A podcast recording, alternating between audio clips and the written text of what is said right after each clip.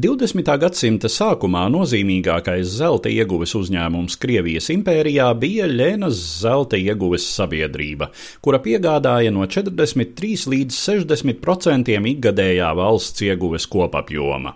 Austrum Sibīrijā, Ļenas pietekas Vitimas basēnā, akciju sabiedrības īpašumā bija 431 atradne vairāk nekā 42 tūkstošu hektāru platībā.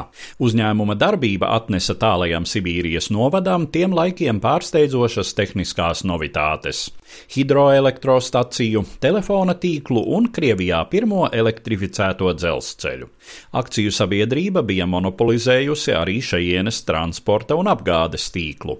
Nepārprotami arī ar vietējām varas iestādēm uzņēmumam bija īpašas attiecības. Aiz Lienas zelta ieguves sabiedrības impozantās fasādes slēpās nemazums problēmu.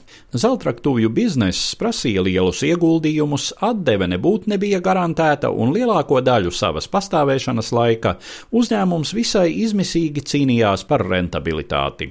Strādnieku algas raktuvēs bija teju divreiz lielākas nekā strādniekiem Maskavā vai Pēterburgā, taču arī darba un dzīves apstākļi bija smagi.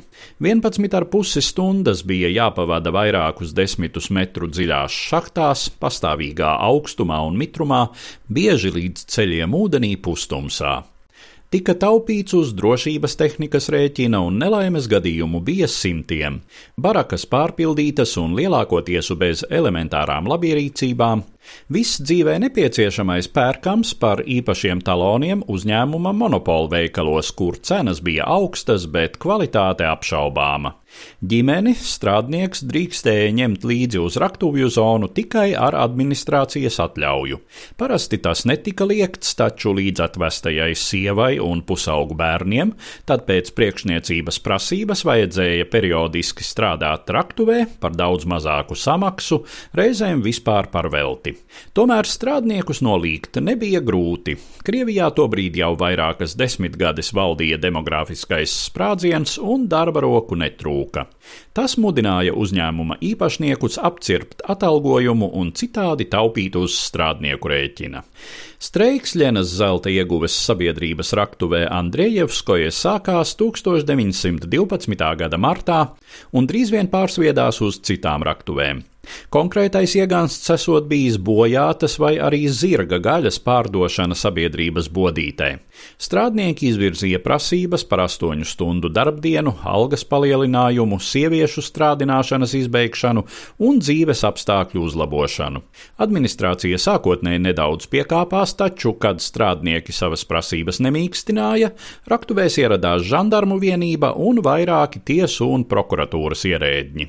Streika komiteju arestēja arestēja, apsūdzot politisku prasību izvirzīšanā, kas nebija tiesa. 1912. gada 17. aprīlī apmēram 3000 strādnieku devās gājienā. Gājienam ceļu aizšķērsoja Poručika Tjuščevska komandētie žandarmi. Spriežot pēc visa, viņi vienkārši sāka šaut strādnieku pūlī.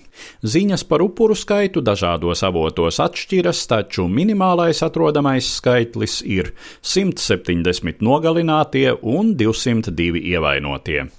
Asinspirts guva plašu rezonanci tā laika Krievijas presē. Notika karstas debates valsts domē, uz Raktuvju rajonu izbrauca veselas divas komisijas - valdības komisija ar bijušo tieslietu ministru Sergeju Manuhinu priekšgalā un domes sastādītā sabiedriskā komisija, kuru vadīja jurists un vēlākais Krievijas pagaidu valdības vadītājs Aleksandrs Kerenskis. Par vienīgo vainīgo tika atzīts poručiks Čuščevskis, kuru pazemināja par ierindnieku un pārcēla dienestā zemessardzē. Skandāla rezultātā valdība atteica finansējumu šaursliežu dzelzceļa līnijai, ko bija plānots celt uz Raktuvju rajonu. Streiks ilga vēl vairākus mēnešus, un tā noslēgumā apmēram 80% strādnieku uzņēmuma Raktuves pameta. Solidaritātes streiki aptvēra visu Krievijas impēriju, un tajos piedalījās apmēram 300 tūkstoši. Daudz vēsturnieku uzskata, ka tas bija sākums jaunam revolucionārās aktivitātes vilnim Krievijā, kas tā arī nenoplaka pilnībā, galu galā novedot pie 1917. gada revolūcijas un impērijas sabrukuma. Stāstīja Eduards Liniņš.